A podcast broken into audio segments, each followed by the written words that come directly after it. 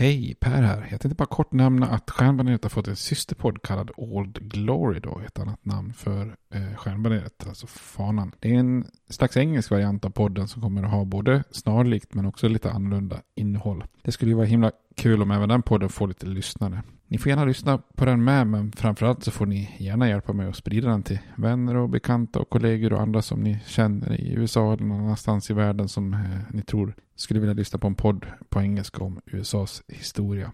Tack, det var bara det jag ville säga. Nu kommer avsnittet. Hej då! Imagine the softest sheets you've ever felt. Now imagine them getting even softer over time. That's what you'll feel with Bowl and Branch's organic cotton sheets. In a recent customer survey, 96% replied that Bowl and Branch sheets get softer with every wash. Start getting your best night's sleep in these sheets that get softer and softer for years to come. Try their sheets with a 30-night guarantee. Plus, get 15% off your first order at bowlandbranch.com. Code BUTTERY. Exclusions apply. See site for details. Millions of people have lost weight with personalized plans from Noom, like Evan, who can't stand salads and still lost 50 pounds. Salads, generally, for most people, are the easy button, right? For me, that wasn't an option. I never really was a salad guy. That's just not who I am. But Noom worked for me. Get your personalized plan today at Noom.com. Real Noom user compensated to provide their story. In four weeks, the typical Noom user can expect to lose one to two pounds per week. Individual results may vary. Hey, I'm Ryan Reynolds. Recently, I asked Mint Mobile's legal team if big wireless companies are allowed to raise prices due to inflation. They said yes. And then when I asked if raising prices technically violates those onerous two year contracts, they said, What the f are you talking about, you insane Hollywood ass? So to recap, we're cutting the price of Mint Unlimited from $30 a month to just $15 a month. Give it a try at mintmobile.com slash switch. $45 upfront for three months plus taxes and fees. Promote for new customers for limited time. Unlimited more than 40 gigabytes per month. Slows. Full terms at mintmobile.com.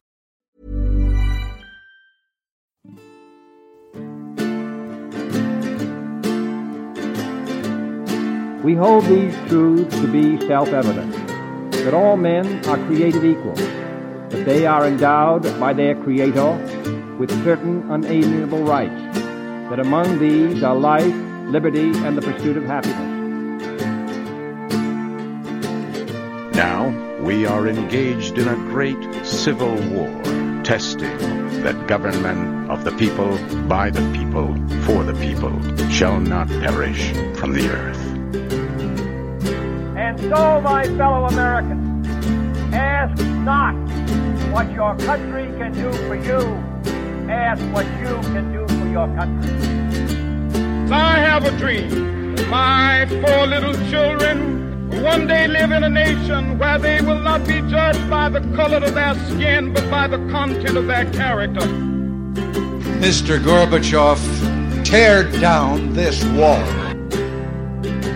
I did not have sexual relations with that woman, Miss Lewinsky. Ja, då säger vi hej och välkommen till Stjärnbaneret igen. Efter ett par, ett par veckors eh, uppehåll så är vi tillbaks eh, över en Skype-linje. Ha- Hallå Robert, Hallå, hallå, jag är med. allt bra? Ja, det tycker jag. Ja, Du har ju gått att det på hembryggar Ja, precis. Fantastiskt eh, event, tycker jag. Det var min, min premiär på hembryggar-SM. Där riktigt roligt att prova eh, lite olika öl och även tävla. Då. Även om det inte blev någon medalj så var det kul, tycker Ja. ja, men det är ett trevligt evenemang. Kan vi rekommendera. Ja, verkligen. Ja. Nästa år är det väl i Solna och sen ryktas det om att 2020 kan det vara Göteborgs tur då, igen. Då hänger vi på tappen. Ja, det Ja. Gott, gott. Ja, vi har varit en liten uppehåll här, men jag ska inte gå in på orsaker. Men eh, det, eh, vi har ju en podd som, in, som inte är så aktuell ämnesmässigt. Så att, eh, det gör ingenting om det, man inte hänger med i nyhetsflödet. Nej, just Vi tänkte ju idag att vi skulle prata om, vi hade ju ett avsnitt om Vermont, den första delstaten som tillkom utöver de här ursprungliga 13 då.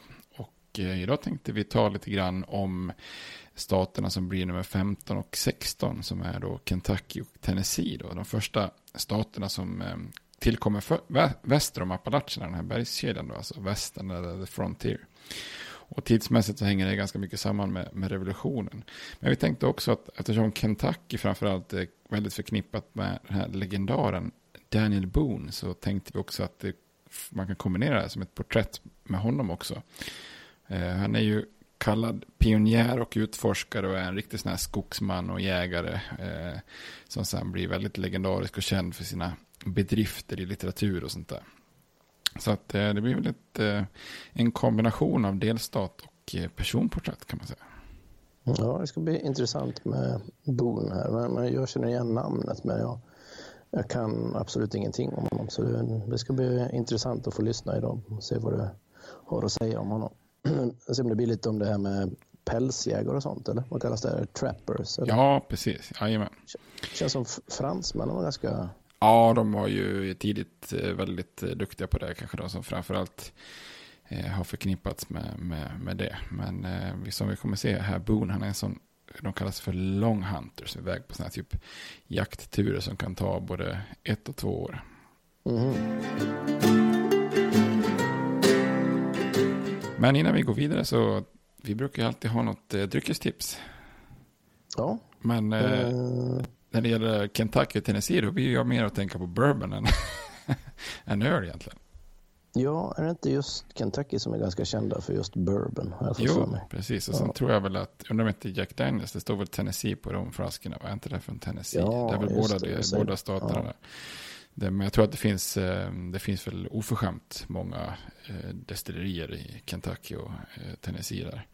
Mm. Med, med, med majs som huvudingrediens. Tycker du om Mm. bourbon? Nej, det kan jag inte säga att jag gör faktiskt. Jag, jag dricker ju helst öl om jag ska dricka Ja. starkare. Så. Är du ingen whisky, stor whisky? Nej, nej, det är jag inte heller. Jag vet inte. Det, det kanske är något man kan lära sig. Det är ungefär som när jag gillade inte oliver förut, men jag gav mig fan på att jag skulle lära mig att gilla oliver. Och så till slut gjorde man ju det. Man Ja. ätit tillräckligt mycket. Ja, men det kanske det. Jag, jag kanske inte har druckit tillräckligt mycket whisky eller tillräckligt bra whisky. Eller bourbon för den delen. Det kan vara lite vanskligt om man behöver ta sig en om dagen för att få in smak. Ja, nej, då, då får det vara tror jag. Ja, jag är mer, eh, man har ju kanske mer sådär försökt att testa runt bland skotska så man är inte så bra på det här med bourbon. Men jag var på någon provning, då var det faktiskt, det är precis som allt, allt liksom att eh, hittar man något riktigt fint så, så är det ju ändå gott. Det var en riktigt Mm. sådär, lite mer exklusiv bourbon, det var faktiskt riktigt fint får jag säga. Betydligt bättre än en vanlig flaska Jack Daniels rock'n'roll whisky. Ja, det kan jag tänka mig. Men det är väl en stor trend nu, eller trend och trend, men det är ju många bryggerier som eh, eh, lanserar någon av sina mörkare öl då som eh, lagrade på eh, ja, whiskyfat ibland, men mer ofta är det väl bourbonfat nu. Barreled aged bourbon. Ja, jag tror det. Jag undrar om inte det ska ge lite vaniljtoner så att, eh, att det är lite därför. Så att det hör ju till vanligheterna. Har du något exempel? Men kanske inte just på lagrad så. Den, jag vet att vi har provat några eh, kraftigare stouts där. Men Rådanäs här, bryggeriet som ligger strax utanför Göteborg. De hade ju tidigt en sån här bourbon influerad öl. Bourbon mash heter den väl. Det är väl, ja, det är väl inte, på grund av bourbonsmaken så är det väl ingen favorit så, men man har ju druckit den några gånger och den, den skulle väl passa bra till avsnittet här då, när det blir lite om Kentucky och Tennessee får man säga. Ja, men det är bra. Då kör vi det som tips. Blir det tipset för Ja, det idag? får det bli. Det får det bli. Ja. Jajamän.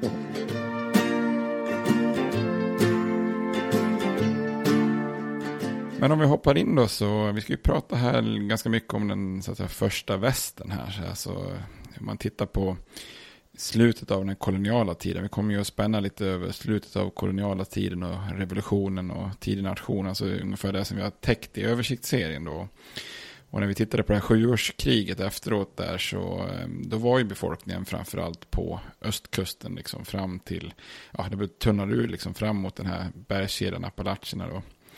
Ehm, men, och, och britterna då som då vann mot och kastade ut fransmännen från kontinenten, de ville ju försöka skapa fred mellan ursprungsbefolkningen då och eh, alla nybyggare. Så de skapade den här proklamationslinjen 1763 som förbjöd nybyggare faktiskt att korsa bergen västerut. Men det här visade sig också ganska snabbt vara ganska omöjligt då för med fransmännen borta och en hel del stammar försvagade så låg ju vägen liksom öppen då och många nybyggare flyttar eh, västerut och bara ja, egentligen tar mark i anspråk. Det finns ett namn för det, man, de kallas för squatters.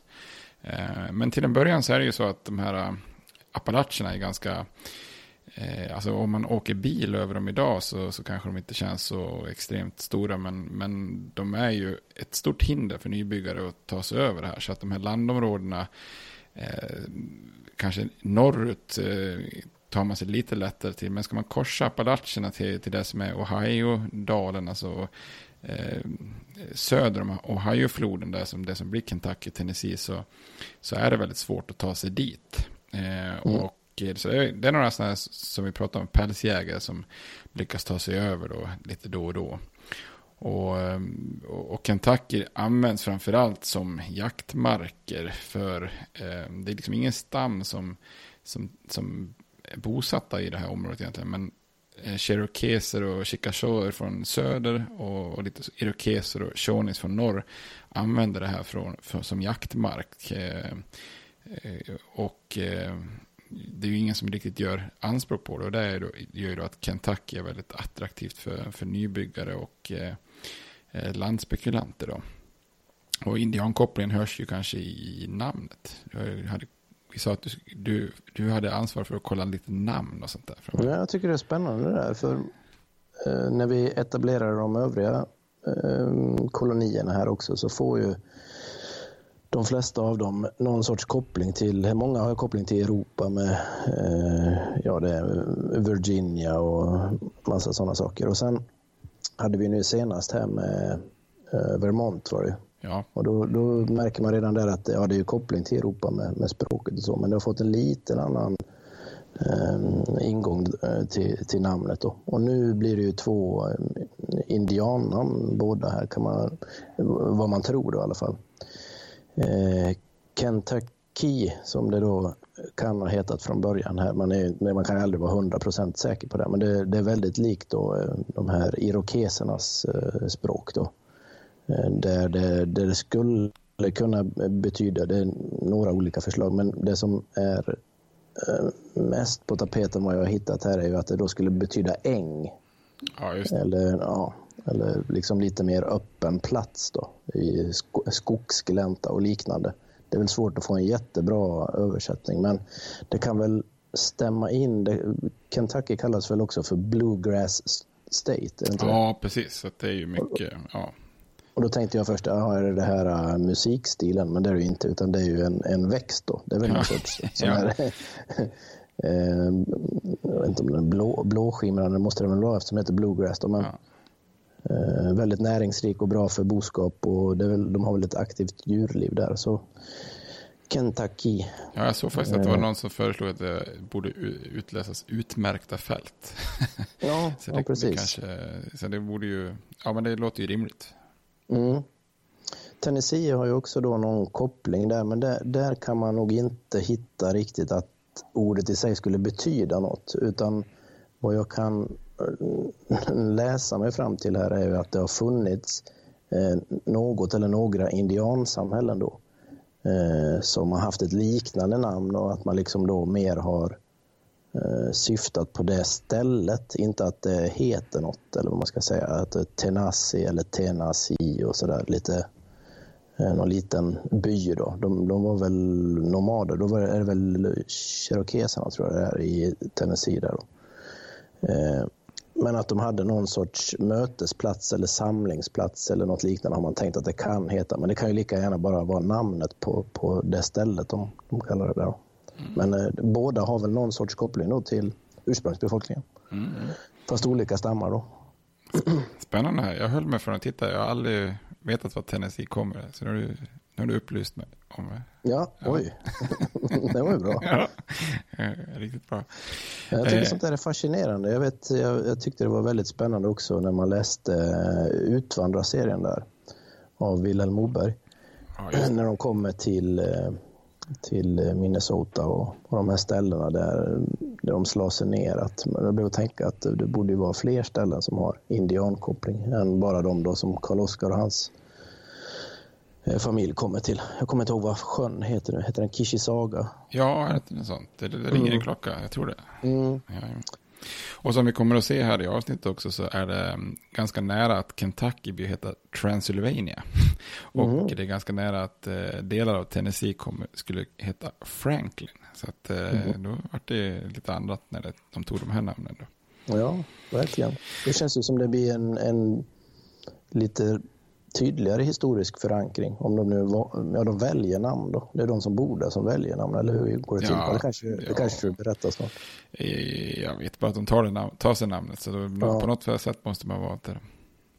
Ja. Men om vi tittar på, för då ska vi titta på Kentuckys historia då blir ju Daniel Boone då en central figur och han kommer ju bli, som jag sa, en lite grann av en kändis där och det är ju tusentals nybyggare som med tiden kommer att följa Eh, den här stigfinnaren Boone då över bergen till Kentucky. Eh, så det går ju att följa hans historia lite parallellt med, med staten då, eh, eftersom hans historia är väldigt spännande också. Och Boons familj, han är, är faktiskt ursprungligen från Pennsylvania och är sådana här kväkare. Alltså den här ganska speciella religiösa inriktningen som vi pratar om som är förknippad med William Penn som grundade Pennsylvania som vi pratade om i avsnitt 7. Ja, just det. Det är ju de här som vägrar svära eder och så vidare. Så de vart ju liksom omedelbart enemy of the state så att. Eh, Och Boons farsa, han heter faktiskt Squire, vilket brukar vara en titel, men han heter Squire och han flyttar från England då för att ansluta sig till Penn och hans anhängare i Pennsylvania redan 1713. Mm. Eh, Och lite kuriosa är faktiskt att deras gård är granngård med Mordecai Lincoln som är farfars farfar till Abraham Lincoln. Eh, Och en av sönerna Lincoln som också faktiskt heter Abraham Lincoln gifte sig med en av Daniel Boons kusiner. Så att på den tiden är världen liten i, i USA. Ja, verkligen. Eh, det, deras historia, familjens historia, är att två av Daniels äldre syster, syskon gifte sig med så att säga, vanligt folk, inte kväkare. Eh, och det gör att, och när deras pappa då inte utesluter dem ur familjen så blir familjen i- sin tur utstöttade. För det här är inte riktigt okej i det här kväkarsamfundet. Eh, och det gör att eh, Daniel Boons pappa då tar med sig familjen och flyttar söderut från Pennsylvania till North Carolina då. Och det är där som Boone växer upp då i gränslandet mellan vildmark och bebyggelse då i det som då var eh, liksom the frontier, alltså gränslandet eh, i, i västra eh, North Carolina där. Och han får ingen formell utbildning men han blir en extremt duktig jägare och skogsman. Och eh, han får sitt eget gevär eh, redan när han är 12. Är det någonting du har funderat på till din dotter Maja? Nej, jag tror inte. Nej. Kniv har jag funderat på faktiskt. Ja. Ja. Alltså att ha på sommaren i, i sommarstugan. Ja, verkligen. Men jag tror inte det är dags för gevär. Min dotter fyller ju sju idag, så hon fick faktiskt, Oj, hon har tjatat idag. om det här, så hon har fått en liten enkel morakniv. Jag hittade en som inte hade så, så spetsig, så jag har sagt att hon får tälja med mig. Ja, Inte för att jag vet så mycket om tärning, men det, det ska nog gå bra. det Eh, låter farligt tycker jag. Ja, lite. Jag får ha koll på den där. eh, och eh, när någon säger till Daniels pappa att eh, sonen borde få en utbildning så lär han ha svarat så här då. Let the girls do the spelling and Dan will do the shooting. Så, lite Oj, hardcore. oj, oj. Men eh, Daniel han fick faktiskt ändå läsa skrivkunnig som många i, i USA vid den här tiden. Och han har faktiskt med sig en del böcker på sina sådana här långa jaktturer där han läser för, för andra då. Men han har ett väldigt händelserikt liv, Daniel Boone. Han är i princip involverad i alla händelser, nästan som vi har pratat om, höll jag på att säga. Det är han ju inte, men många händelser i alla fall. För när det här sjuårskriget bryter ut 1754 så, så rycker Daniel ut i den här lokala milisen då. Han är bara 21, 21 år gammal. Eh, och det är den här offensiven under, vi pratar om en general som heter Edward Braddock som ska erövra det som kommer att bli Fort Pitt eller Pittsburgh. Eh, och han följer samma väg som Washington tidigare hade tagit där. Och Boone han, han tjänstgör i trossen Eh, faktiskt tillsammans med sin kusin som heter Daniel Morgan. Och han nämnde vi också för han blir ju en viktig general under frihetskriget. Och det är ju han som har släkt till Captain Morgan faktiskt. Lite sådär långt om sidor. Vi pratade lite grann om det. Men den här Braddock lider ju ett väldigt svårt nederlag där ute i skogarna. Och båda de här Daniel Boone och Morgan får, är inte så långt ifrån att dödas här av indianer som anfaller det här vagnståget som de tjänstgör på. Eh, så att, men han klarar sig undan med livet i, i behåll och återvänder hem. Eh, och hemma där i North Carolina så gifter han sig med en tjej som heter Rebecca. Och tillsammans får de faktiskt tio barn, varav en av sönerna Nathan blir den första vita personen som föds i Kentucky sen. Eh, och efter freden då på sjuårskriget 1763 så ägnade sig bon åt väldigt så här långa jaktturer västerut och utforska södra Appalacherna då egentligen hela vägen från dagens Tennessee till Florida. Och i princip varje höst så ger sig bon iväg med ett litet jaktlag och jagar pälsar då från bävrar och uttrar eh, över vintern då, som man sen kan sälja på vårkanten. Eh, och det finns ju en sån här tradition bland sådana här frontiersmän att man märker ut sina vägar genom att rista in initialerna på träd. Eh, och det är ett träd i dagens Tennessee som har en liten inskrift av Boone då, men det, är många som de tror är äkta, men det är väldigt många, svårt att avgöra för det finns jättemånga falska också. Många som har ristat in liksom i träd. Det är lite svårt att mm. veta om den är äkta eller inte. Då. Men i mitten av 1760-talet så börjar befolkningen öka då i östra North Carolina och jaktmarkerna blir allt mer upptagna och utjagade.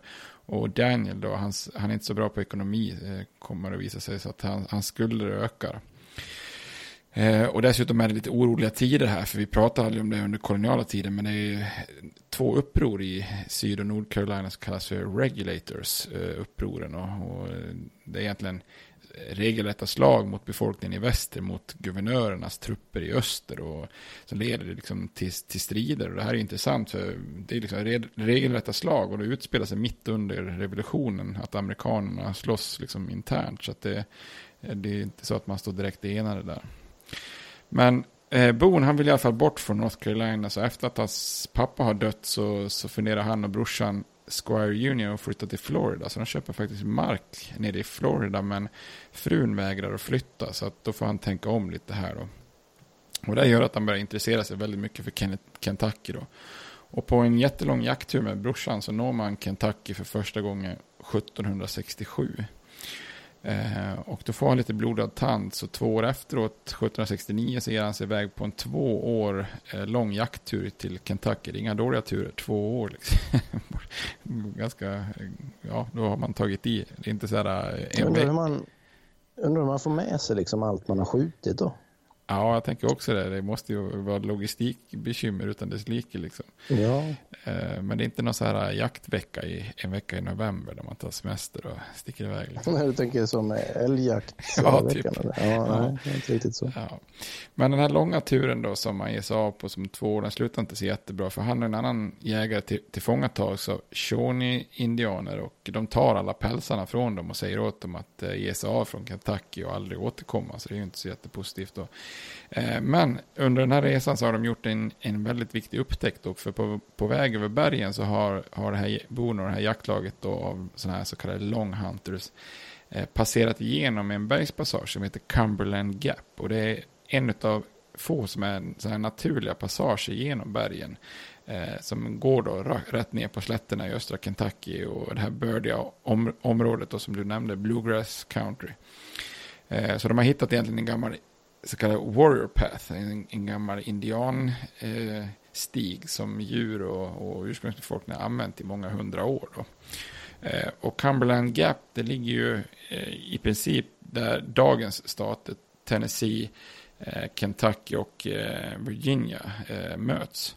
Eh, det här är en, Cumberland Gap är ju jätteviktigt sen till exempel under inbördeskriget för att frakta, frakta trupper mellan öst och väst och sånt där. Så det, det är så här väldigt eh, eh, viktig geografisk punkt. Och det här har ju varit känt att det har funnits då av ursprungsbefolkningen i alla tider. Och Bon är egentligen inte heller den första vita att passera det här, men Bon är den första som liksom ser potentialen att det här kan vi ju använda för att liksom flytta över familjer och skapa bosättningar i, i Kentucky. Då.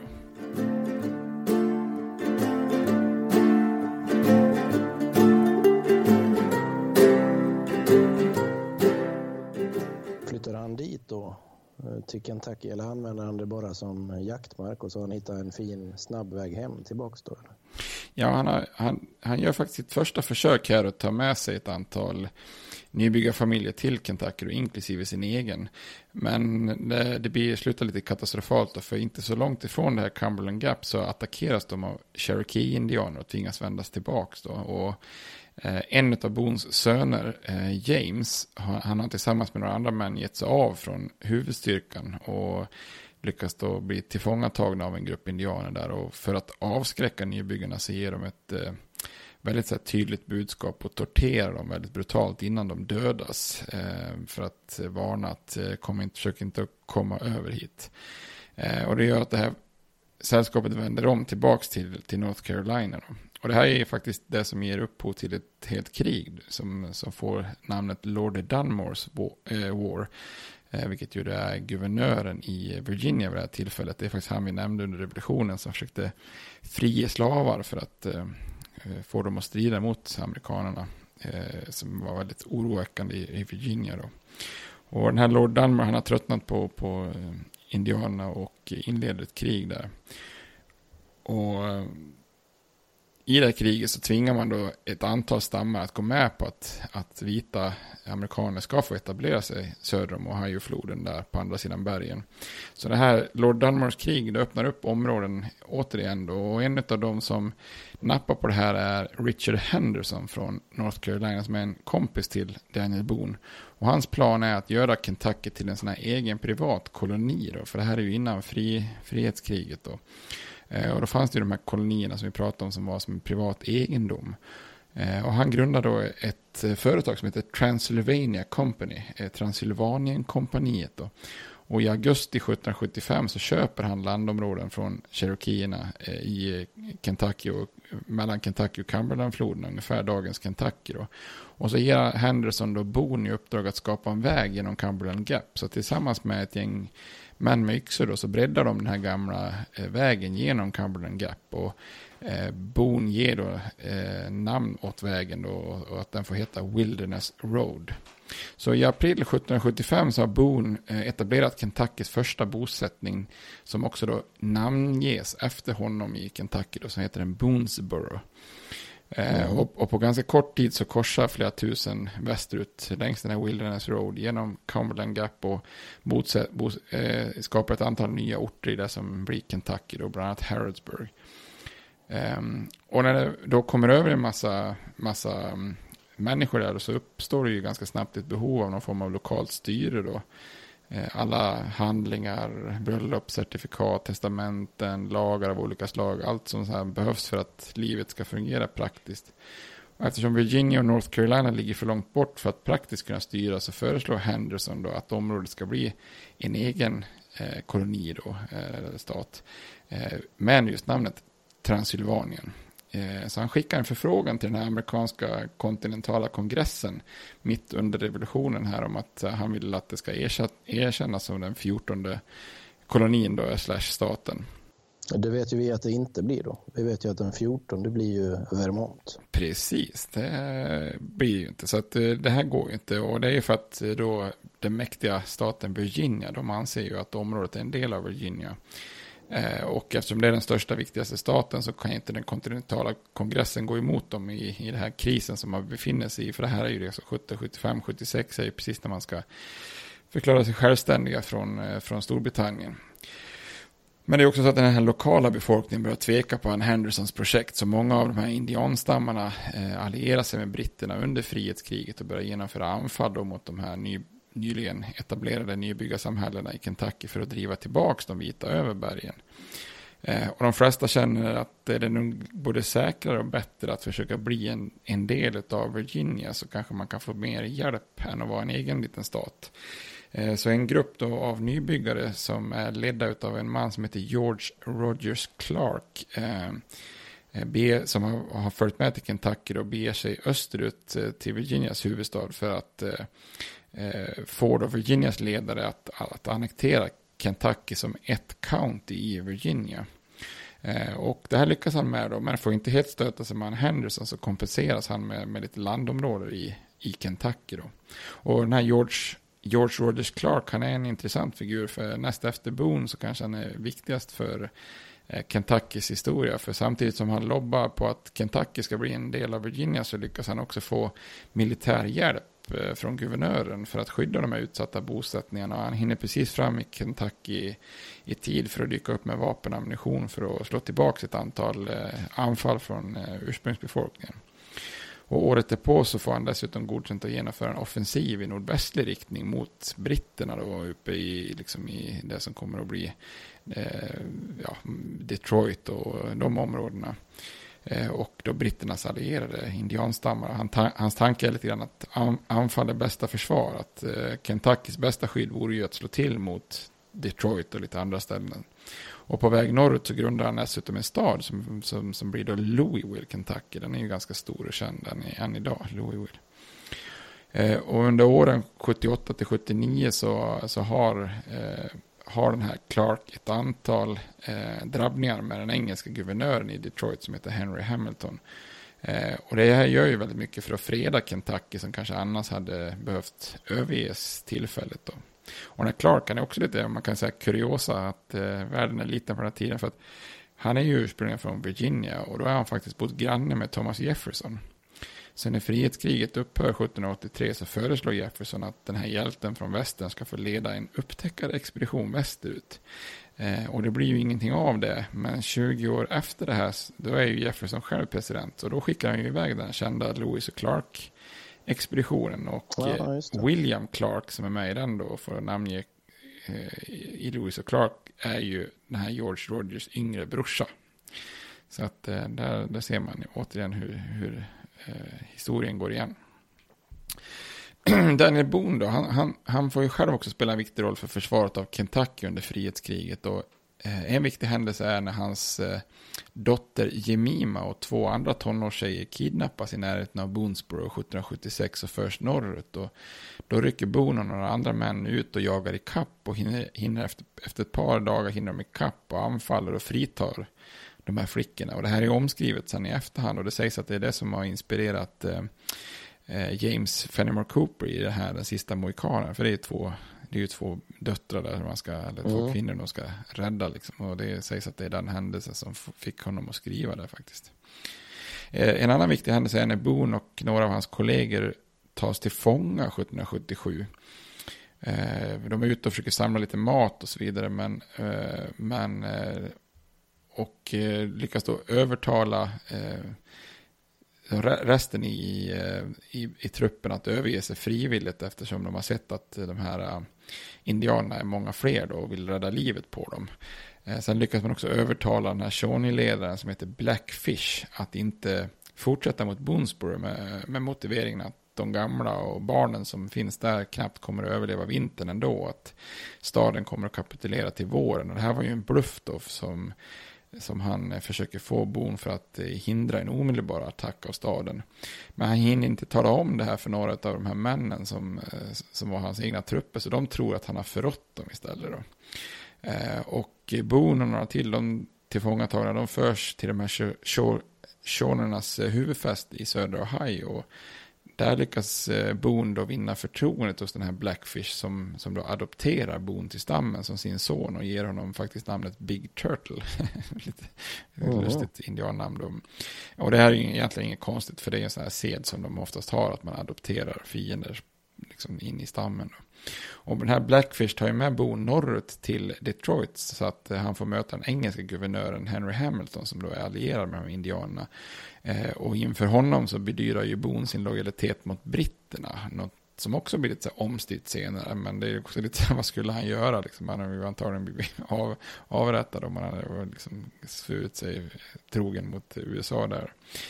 Men Boone han lyckas i alla fall återvända söderut och fly och, och ta sig hem till Boonsboro. Och, eh, och då är det ju två släktingar till de andra männen som hade tillfångatagits, tillfångatagits som tror att Boone har eh, förrått dem då. Att han hade levt väl hos indianerna och att han har kommit undan från britterna mitt under frihetskriget och sådär. Så att han ställs faktiskt inför krigsrätt. Eh, de finner honom icke skyldig. Eh, och för att bevisa sin lojalitet så leder han en räd mot indianerna och hjälper till att försvara Boonesboro, bland annat från en belägring av just den här eh, Blackfish då, som då egentligen är hans indianfarsa i det här läget. Då. Men den här krigsrättegången det är någonting som, som gnager honom eh, resten av livet. Han pratar väldigt sällan om, om det här. Eh, och under tiden som Boone är tillfångatagen så har hans familj varit övertygad om att han är död. Så de har flyttat tillbaka österut. Så Boone måste resa österut för att hämta tillbaka dem till Kentucky. Och då är det ett antal familjer som följer med västerut. Bland annat då Abraham Lincolns eh, farfars familj. Som Lincoln är ju född i, i Kentucky. Som, jag tror det var du som nämnde det. Något avsnitt va? Jag tror vi blandar ihop, jag tror det är ett av de avsnitten vi inte fick ut, där vi hade spelat in en gång och så blev det inget av. Det, Aha, det tror jag vi pratade om, jag tror det. Eller så har vi nämnt att han är från Kentucky. Ja, okej, så kanske det var. Men det stämmer. Det är ju en av dem som jag har lite läst på här sen kring lite kända personer från de olika staterna och annat. Så Abraham Lincoln är ju född i Kentucky. Ja. Och när Boone flyttar tillbaka österut, eller västerut så skapar han en ny ort i Kentucky som också får lite namn efter honom som heter Boones Station. Eh, och vid den här tiden så inträffar en incident som sätter sina spår då för, för alla de här landrättigheterna i det som då en gång var Transylvanien. De döms som ogiltiga när Kentucky blir en del av Virginia då, som Kentucky County. Och det innebär att alla nybyggare måste ansöka om landrättigheter i Virginia och betala avgifter dit. Och då är det ett antal då, f- eh, nybyggarfamiljer där som samlar in eh, cash då, 20 000 dollar, vilket ju är enormt mycket pengar på den här tiden. Eh, och och eh, Bon får då i uppdrag 1780 att resa, eh, resa österut för att, för att köpa de här landrättigheterna i, i Virginias huvudstad Williamsburg. Eh, och när han ligger och sover en natt på en taverna så är det någon som skär de här pengarna. Så att, eh, och vissa förlåter honom och tycker att eh, det, det var inte hans fel. Liksom. Men andra kräver ju att han ska återbetala och det gör ju att han får en enormt tung, tung skuld. Då. Det hade varit bättre om de hade swishat när han kom fram. 20 000, var det där de stal då? Ja, precis. De står där. Det känns ju som en konspiration på något sätt. Ja, man, man vet aldrig. Nej, någon visste att han hade och han var kanske med på det och fick en del. Jag hade nog inte riktigt litat på det där. Om jag hade pitchat in pengar och sen försvann de helt plötsligt. man hade ju varit skeptisk. Ja, väldigt. Men det kanske är jag som är skeptisk till sinnet här. Ja, kanske, kanske eh, lärt dig den hårda vägen att man inte ska... Ja, kanske. Enligt legenden i alla fall då, så är ju Boone en sån här västernman eller frontinsman som alltid flyttar västerut när det blir liksom trångt i områden han bodde i, vilket egentligen kanske inte eh, faktiskt är, är sant. För han stannar i Kentucky och har väldigt många så här viktiga civila ämbeten. Han är befäl i milisen, eh, han deltar i den här George Roger Clarks expedition till Ohio. Han väljs in som representant i Virginias lagstiftande församling så att han eh, åker till Williamsburg för att sitta i den lagstiftande församlingen.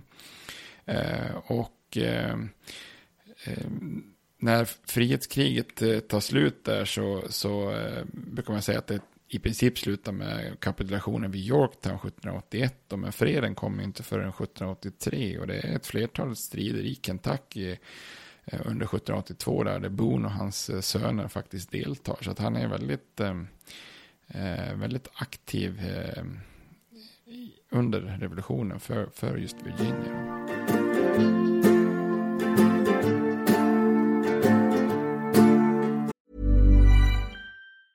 Hey, it's Ryan Reynolds, and I'm here with Keith, co star of my upcoming film, If, only in theaters, May 17th. Do you want to tell people the big news? All right, I'll do. Sign up now and you'll get unlimited for $15 a month and six months of Paramount Plus Essential Plan on us. Mintmobile.com slash switch. Upfront payment of $45 equivalent to $15 per month. Unlimited over 40 gigabytes per month. Face lower speeds. Videos at 480p. Active Mint customers by 531.24 get six months of Paramount Plus Essential Plan. Auto renews after six months. Offer ends May 31st, 2024. Separate Paramount Plus registration required. Terms and conditions apply if rated PG. I'm Sandra, and I'm just the professional your small business was looking for. But you didn't hire me because you didn't use LinkedIn jobs. LinkedIn has professionals you can't find anywhere else, including those who aren't actively looking for a new job but might be open to the perfect role, like me. In a given month, over 70% of LinkedIn users don't visit other leading job sites. So if you're not looking on LinkedIn, you'll miss out on great candidates like Sandra. Start hiring professionals like a professional. Post your free job on linkedin.com/people today.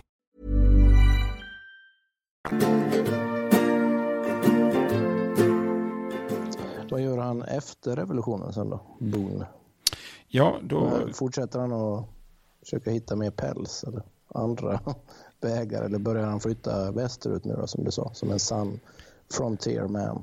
Ja, han är faktiskt, eh, han, man skulle, ibland brukar man beskriva folk som så här, vad heter det, diverse, diverse arbetare eller vad säger man? Mm, mm. Ja, lite, lite åt det hållet är. Allkonstnär kanske? Ja, precis, han är lite allkonstnär, fast, fast lite misslyckad sådan i stunden. Men eh, han bosätter sig i en ort som heter Maysville i Kentucky som ligger längs Ohiofloden och där jobbar han med massa saker. Han driver en taverna, Han jobbar som lantmätare, han jobbar som hästhandlare och han är landspekulant. Och under en kort period så går det, går det bra för honom. Och han äger faktiskt sju slavar, vilket är ett bra tecken på att det går bra för honom. Då, för Kentucky blir ju en eh, slavstat. Eh, och när han fyller 50 år så ger en författare som heter John Philston ut en bok som heter The Discovery, Settlement and Present State of Kentucky. Och i den här boken så finns det en krönika över Boons eh, alla äventyr som kallas The Adventures of Colonel Daniel Boone. Då. Och den här boken gör honom lite grann till dåtidens eh, kändis. Eh, som vi kommer att komma tillbaka till senare. Då. Men i, i slutändan, som jag sa innan, han är ingen lysande affärsman. Han drar på sig en jäkla massa skulder genom landspekulationer. Och ett tag lämnar han Kentucky och bosätter sig i västra Virginia, i det som kommer att bli delstaten West Virginia. Eh, men vart han än drar så drar han på sig skulder och liksom lyckas aldrig få sina markrättigheter eh, clearade. De blir alltid ifrågasatta. Och, och för att slippa då fler rättegångar och finansiella bekymmer så, så gör han någonting drastiskt. Han bestämmer sig för att ta med sig familjen och, och lämna USA. Så 1799 så flyttar han eh, västerut eh, till det som senare kommer att bli Missouri. Eh, alltså eh, i princip väster om Mississippi-floden, en bit från dagens St. Louis. St. Louis. Mm. och det här området på den här tiden är ju spanska Louisiana där eh, som vi pratade om, det är ju innan Louisiana-köpet. Som, som, ja, det är innan köpet. Ja. ja. Och spanjorerna, de uppskattar då inflyttning, eh, alltså från, med en sån här kändis då, så att eh, egentligen har de ett krav på att man ska vara katolik, men det, det skiter de i, så att de välkomnar honom och han får tjänstgöra bland annat som eh, domare då.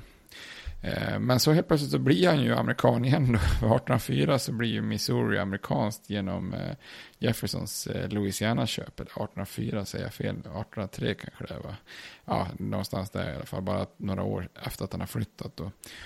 Och Boons markrättigheter bygger på, på en muntlig överenskommelse med span, de spanska styrande. Så han blir av egentligen med markrättigheterna. Men han lyckas få kongressen att godkänna hans landspråk 1814. Så då äntligen får han lite, lite sinnesro där att han faktiskt äger sin mark.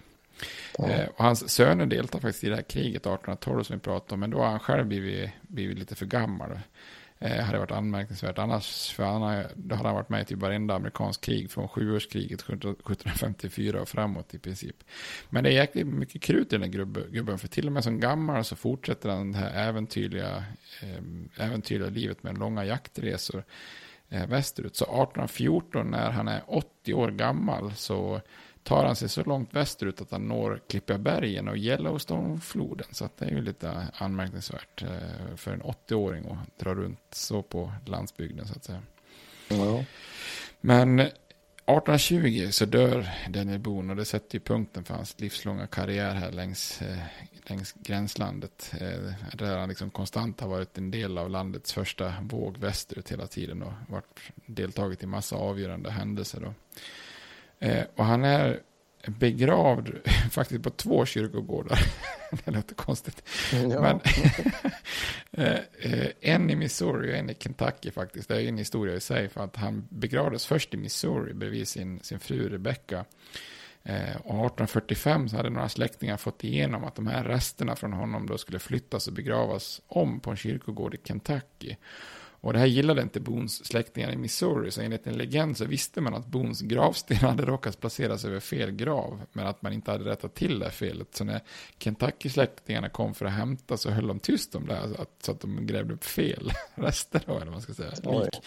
Eh, och 1983, det här det är så lustigt, det är så konstigt, men 1983 då, för inte så jäkla länge sedan, så undersöktes en bit från ett kranium i den här Kentucky-graven. Och slutsatsen var att det mycket väl skulle kunna tillhöra en afroamerikan amerikan. Mm. Så det skulle kunna stämma med att, eh, för att eh, det var ju då slavar begravda på samma kyrkogård i Missouri. Så man har egentligen ingen, man vet egentligen riktigt inte exakt var de ligger. Så att det finns två kyrkogårdar som gör anspråk på, på det här. Men hans eftermäle då är i alla fall stort för att det finns ju extremt mycket namn på skogar och floder och berg, orter och counties och skolor och allt som, vad det heter, som, som har någonting med Boone att göra. Då. Inte bara, inte bara Boonesboro och, och Boone Station utan massa olika. 1968 så belönas han med, med att få ett eh, 6 cent frimärke med sitt namn. Och det är en bild på ett jaktgevär och ett kruthorn, en kniv och en tomahawk-pipa med, med, hans trä in, med hans namn inristad i trä. Så det är lite typiskt för hans liv då. Och så kommer det ut massvis med så biografier och böcker och, och serier om, om Boone och hans äventyr. Och de här är oftast väldigt kraftigt kryddade. Till exempel att han ska strida med en björn med bara händerna och att han svingas i träden som Tarzan och sådär. Han blir lite grann en pojkhjälte. Det är väl lite så man har sett han i någon tecknare, jag för mig när vi var yngre. Liksom, man har sett Daniel Boone liksom. Men det är också massa att han har skalperat indianer och massa annat som är liksom lite mindre smickrande felaktigt. Och, Eh, det är väldigt mycket av de här skildringarna som är eh, översatt. Han blev också lite av en hjälte i Europa. Eh, till och med Lord Byron skriver om Boone i någon pjäs faktiskt på 1800-talet. Ofta så porträtteras han som en naturens man som vill leva ett okomplicerat liv i vildmarken långt från civilisationen och att han då konstant flyttar västerut för att få armbågsutrymme när han känner att nu blir det lite för, nu blir det för mycket folk här, lite överbefolkat och trångt. Då vill han västerut och tämja vildmarken på något vis. Det man brukar kalla sådana här personer för, för Pathfinder eller Trailblazer på, på amerikanska. Då. Någon som liksom banar väg för civilisationen då. Så han blir lite grann Eh, ibland brukar han beskrivas som the founding father of westward expansion. Inte bara founding father utan att det är just den här västexpansionen eh, västerut. Då. Men han, är, han kommenterade själv att till och med innan han, innan han trillar av pinnen så kommenterar han hur, självaktigt, eller hur felaktigt han tycker det här är. Han säger bara att nothing embitters my old age. Uh, and då the circulation of absurd stories that I retire as civilization advances. Så att det var inte riktigt hans egna uppfattning om att han tyckte att det bara var trångt och flyttade västerut. Mm. Och så på 60-talet så går det faktiskt en tv-serie om Danny Boone som skildrar honom som en, jät en jättelik man med sån här pälsmössa, du vet, sån här coonskin cap, du vet sådana ja, typ. Ja, med ja. tvättbjörn alltså. Precis, ja. Och, och, att han då svär och slåss där ute i vildmarken. Och det här är ju väldigt fel, för han var inte särskilt stor rent fysiskt och han hade inte pälsmössa heller då. Men det som gjorde att det blev så var att skådespelaren som, som eh, spelar honom tidigare hade spelat David Crockett i en annan serie då. Och då valde man att porträttera Boone på exakt samma sätt, trots att det var en helt annan sån här kändis i USA då. Han kommer vi att prata om senare, men eh, han är ju bland annat med och dödas i det här slaget vid Alamo när Texas eh, gör, gör sig fri då. Men då var det lite så här, ja, man kunde lika gärna skilja honom på samma sätt för det hade funkat så bra med den första. Liksom. Ja, okay.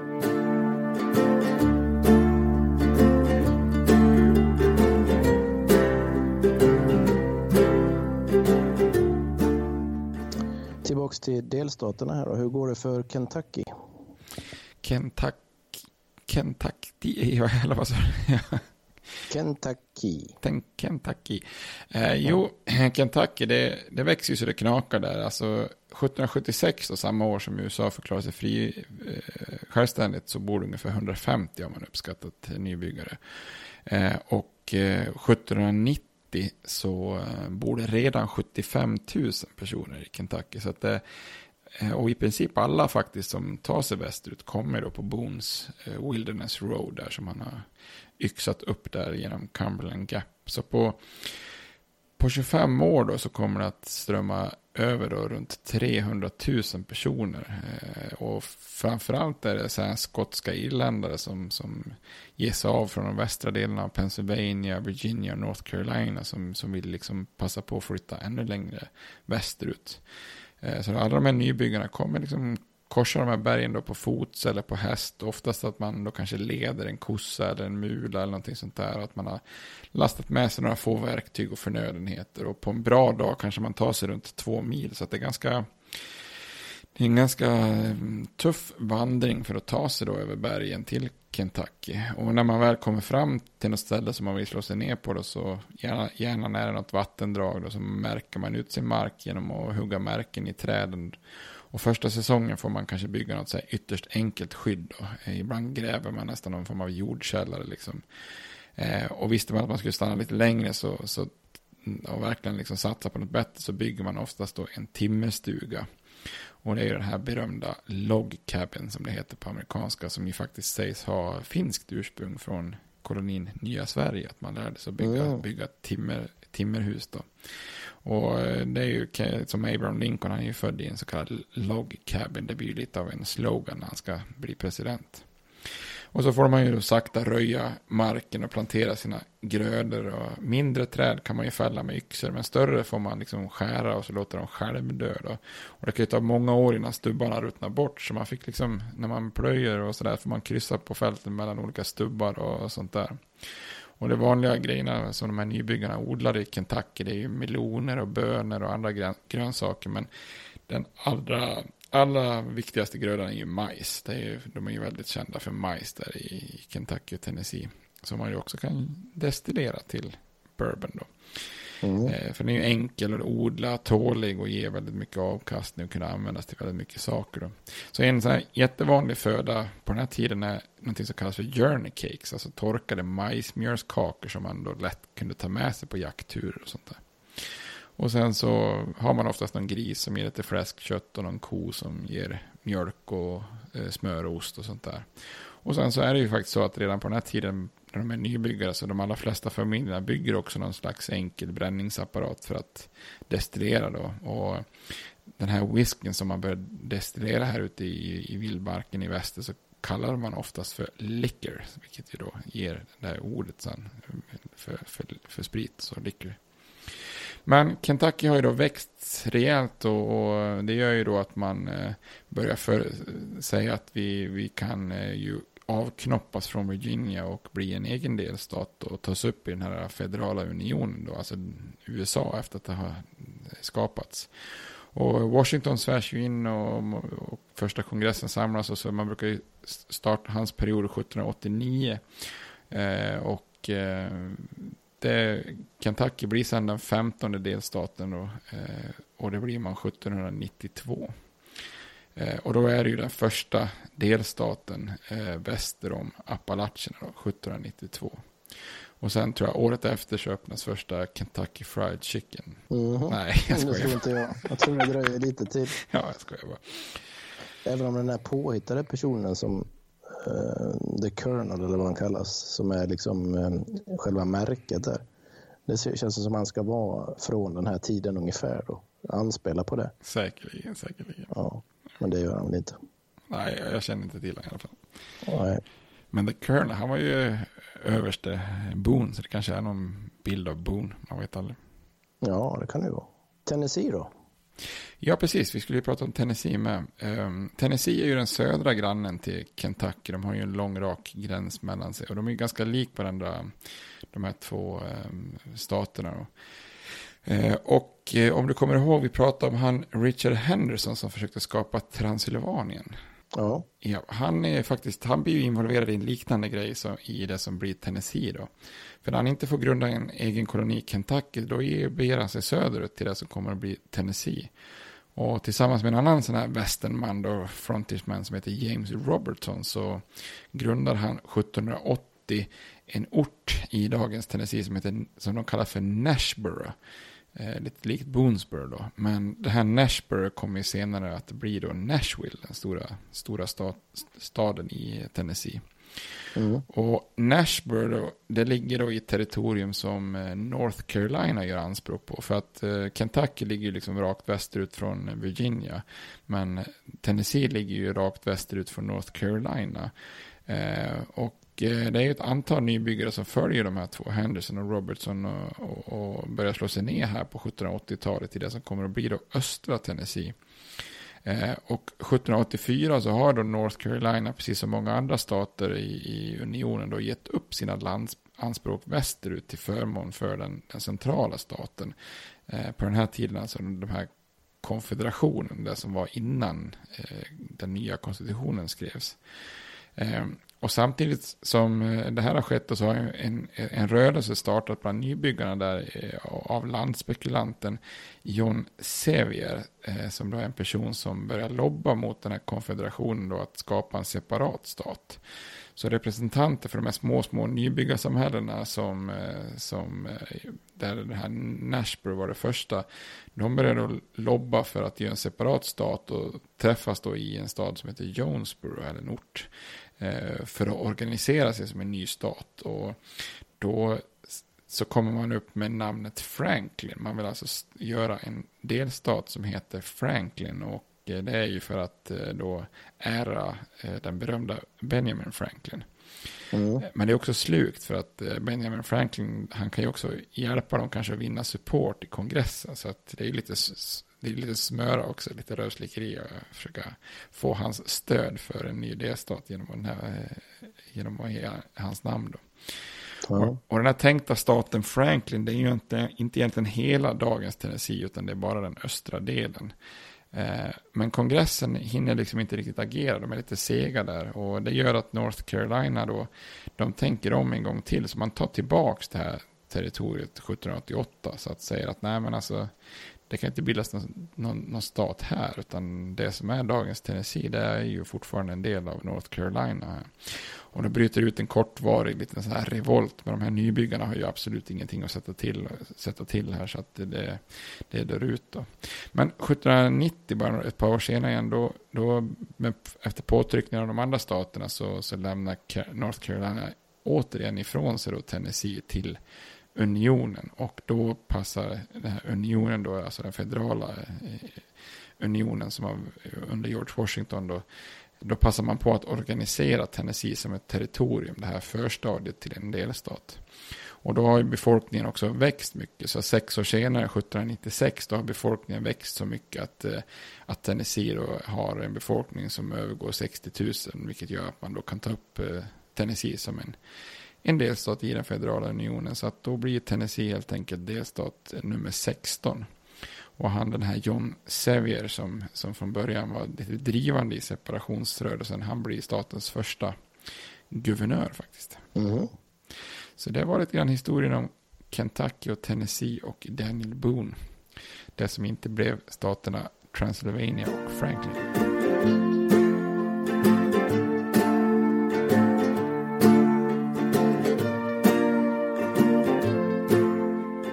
Vi på Kentucky och Tennessee. Det finns mycket olika kopplingar. Och...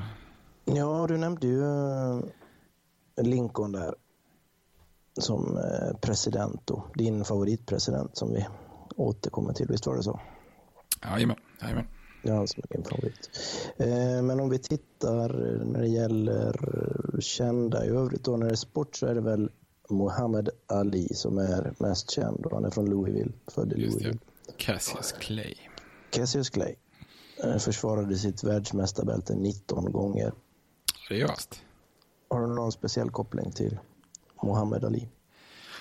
Nej, men jag tycker han är ju, han är ju rolig på något vis. Han är så färgstark när han är så kaxig.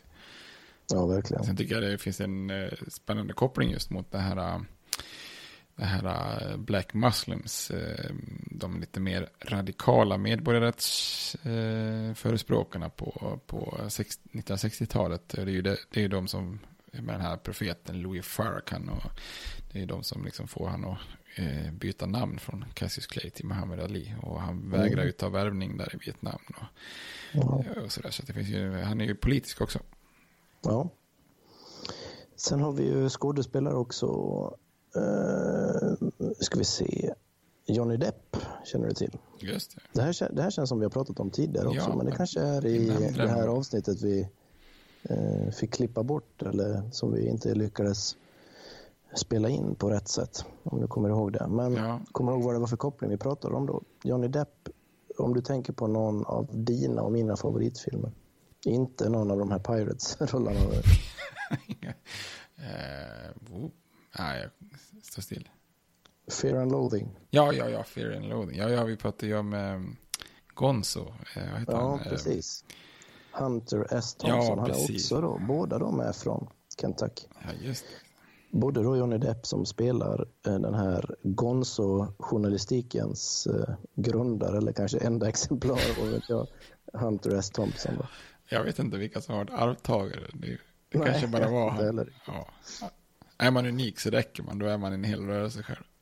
Ja, verkligen. Men det är en fantastisk film. Det är, det är, en film jag sett många gånger och gärna skulle se igen. Nu när man pratar om det så spelas det upp en del scener.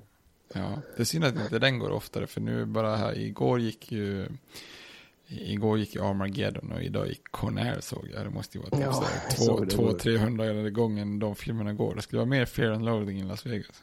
Ja, verkligen. Helt klart. Och lite Big Lebowski och lite klassiker. Ja. Nej, sen finns det en del andra. Eh, Du nämnde ju, vem var det du sa som dog där i den här Texas-upproret? Eller Davy Crockett. Eh, Och då är ju han den här eh, som har fått namn på kniven är ju från Bowie. Bowie Ja, ja, precis. Ja. Ja, han är också från Kentucky då. ja, han dör ju också Ja. där i Han dör i samma. Ja. Ja. Så det, det lär vi väl komma till snart. När, när var det? 1820? Är det 1800... Tror du, vad är det? 1830? Är det 36 tror jag? Jaha, det är så långt. Ja. Ja, men jag tror vi kommer till det snabbt i översiktsserien för nu börjar vi närma oss det. ja. Eh, sen kan vi väl ta sport, men då kan vi flytta över till Tennessee då. Där har vi ju Nashville Predators, rovdjuren i eh, hockeyligan då, NHL. Ja, de har gått och blivit riktigt vassa. Ja, nu ser det väl ut som de åker ur i år kanske då. Jag tror de ligger under med 3-2 i matcher just nu, men det är väl fem svenskar om jag inte har räknat fel där. Den, du, den du och jag mest tänker på är väl Filip Forsberg. Han Ja, spelat i Leksand. Ja, det är väl den viktigaste ja. spelaren. Ja, han är det Nashvilles absolut viktigaste. Han är kanske NHLs bästa forward för stunden. Ja, jag tycker jag. Eh, nej, men de, de är väl det mest kända. Och sen kan man ta lite musik då. Om du vill, vill du ha någon musikkoppling idag Ja, också? gärna. Det finns ju mycket kan jag tänka mig Kentucky och Tennessee. Ja, och Tennessee är att vi- inte Memphis. Memphis ligger väl i Tennessee bland annat. jag tänkte mer på um, Bob Dylans Nashville Skyline. Hans är det nionde skiva där. När han byter ut den här nasala rösten när han sjunger mot en eh, lite mer country-inspirerad. Det är två av mina favoritlåtar med på den skivan. Lay, Lady Lay. Ja, just det. Det, det, det. Ja, och sen The Girl from the Northern Country som han gör en duett med sen med Johnny Cash. Jaha, okej. Mm. Ja, jag, har inte, jag har lyssnat en del på Dylan, men jag är inte så, där, jag är inte så freakigt insatt i... Nej, det är inte jag heller. Det är inte jag. Men det är en av de skivorna jag kan återkomma till. Nashville Skyline. Mm. Tycker jag är bra. Mm. Sen eh, tror jag vi har nämnt det tidigare, men det här... Eh, Boone hittar ju den här eh, luckan i bergen, eller Cumberland Gap heter det va? Ja, precis. Den nämns ju i en annan låt jag gillar från en grupp som heter Old Crow Medicine Show. De, de har gjort en Dylan-cover kan man säga, fast Dylan spelar aldrig in den låten som heter eh, Wagon Wheel. Mhm. Då, då sjunger de om någon som åker med och liftar med en lastbilschaufför och så åker de igenom The Cumberland Gap till Johnston City, Tennessee. Ja, en massa. Okej. Ja, inte, jag tänkte säga Nashville, är inte det lite countryns huvudstad, eller? Jo, det är det. har blivit. Så det är väl det jag har så här på rak arm om de två staterna då. Ja, vi nämnde ju också, kom att tänka på de här uh, upproren som är i North Carolina, Regulators-upproren, eh, både North och South Carolina. Då vart jag tänka på Regulators, det brukar ju vara så här westernfilmer och Regulators, Mount Up. Men så vill jag tänka Ja, på det. Warren G-låten där med Ja. Nate Dogg. Visst gick han och dog, Nate Dogg? Ja, det Ja. ja. Då får man inte det är höra. ett tag sedan. Ja, det är ett tag sedan. Ja, ja, han hade en sammetslen sångröst Mm. får man säga. Verkligen. ja, du nämnde ju också eh, KFC. Eller vi pratade om eh, Kentucky Fried Chicken. Ja, just Ja, det. Jag såg Är här att de... eh, grund- favoritställe för dig eller? Nej, gud. Nej, jag tror jag ätit det en gång. Ja, det är Jag, jag är tycker- superanti. Jag passerar, jag passerar, det har ju kommit till Göteborg nu. Jag har sett jag Ja, passerar den tyvärr från, från jobbet. Jag blir helt osugen. Alltså. Det Ja. känns som 40 gånger sämre än de andra. Eh, men jag, jag såg att de öppnade 1930. Så jag var inte riktigt där på Nej, det var 1700-talet. inte. Eh, Men de har restauranger i 123 länder. Och eh, deras huvudkontor är vitt och kallas därför för Vita huset. Oj, oj. Ja, det ser man. ja, men det är bra. Sen Ja. var jag tvungen, jag vart så fundersam på Daniel Boone, vart jag tänker på. Är det Daniel Boone de nämner i, i Is, Isa den tredje i så himla många program, eller en himla många program, med Galenskaparna och After Shave. Jag vet, de Pat yngre, Boone. Det var, ja, precis. Det var ju Pat Boone, han eh, mus, musikkillen där. Var, han, ja. han, gjorde, han gjorde den här Speedy Gonzales va? Låten. Är det han? Ja, jag tror det. Men äh, yngre lyssnare kanske inte känner igen Isa den tredje för den är himla många program. Men det var ju, var ju klassiskt. Man skulle, det fanns ingen koppling mellan de här tre. Veckan innan var det Honken, Tomten och Louis Pasteur. och sen, ja, och sen det programmet som gick då var ju Hitler, Jesus och ja just jag gissar den tredje. Och, och programledaren hette, kommer du ihåg programledaren hette? Jag var tvungen att söka upp detta. För när jag skulle kolla om det var Pat Boone, eller vad säger jag, om det var Daniel Boone eller Pat Boone så fick jag ju se en beskrivning av hela serien där. Och programledaren för Gissa den tredje hette Harry Dime. Och det var ju han som trodde att Pat Boone skulle komplettera Hitler och Jesus. och det var så jävla skönt, så såg jag när jag sökte på en webbsida, jag var tvungen att skicka över den där länken till dig. Där det var ju någon som verkligen hade tänkt till. Liksom. Ja. Och var jättelänge och bara, ja, undrar vilken som kan vara. Så jag trodde att rätt svar var Håkan, Håkan Hellström. Hellström ja, så det blev Hitler, Jesus och Håkan Hellström. Fy fan, jag knäcker Jag tycker det är så jävla, så jävla sjukt. Ja, medan de andra hade stora visioner. Hitler och Jesus hade stora visioner. Så är Håkan ett bra komplement som bara är sig själv och motiveringen. ja, det var en ja, bra motivering i alla fall. Ja, precis. Så jävla lustigt, han var inte ens känd när de gjorde det programmet. Och Nej, fanns han ens? Tror han var född? Jo, det måste jo, han vara. Han är äldre än oss ju. Ja, precis. Ja, ja, ja. Ja, men vi får gå ut på den. Hitler, Jesus och Håkan Hellström. Ja. ja. Men hörru, du får ha en trevlig kväll. Och eh, ja, det får ni som Tack har lys lyssnat också. Ha det gott. Ha det fint. Hej, hej. hej. States like these and their terrorist allies constitute an axis of evil. And if the hippies and the yippies and the disruptors of the systems that Washington and Lincoln as presidents brought forth in this country will shut up and work within our free system of government, I will lower my voice. If the impeachment provision in the Constitution of the United States will not reach the offenses charged here, then perhaps that 18th century Constitution should be abandoned to a 20th century paper shredder. Therefore, I shall resign the presidency effective at noon tomorrow.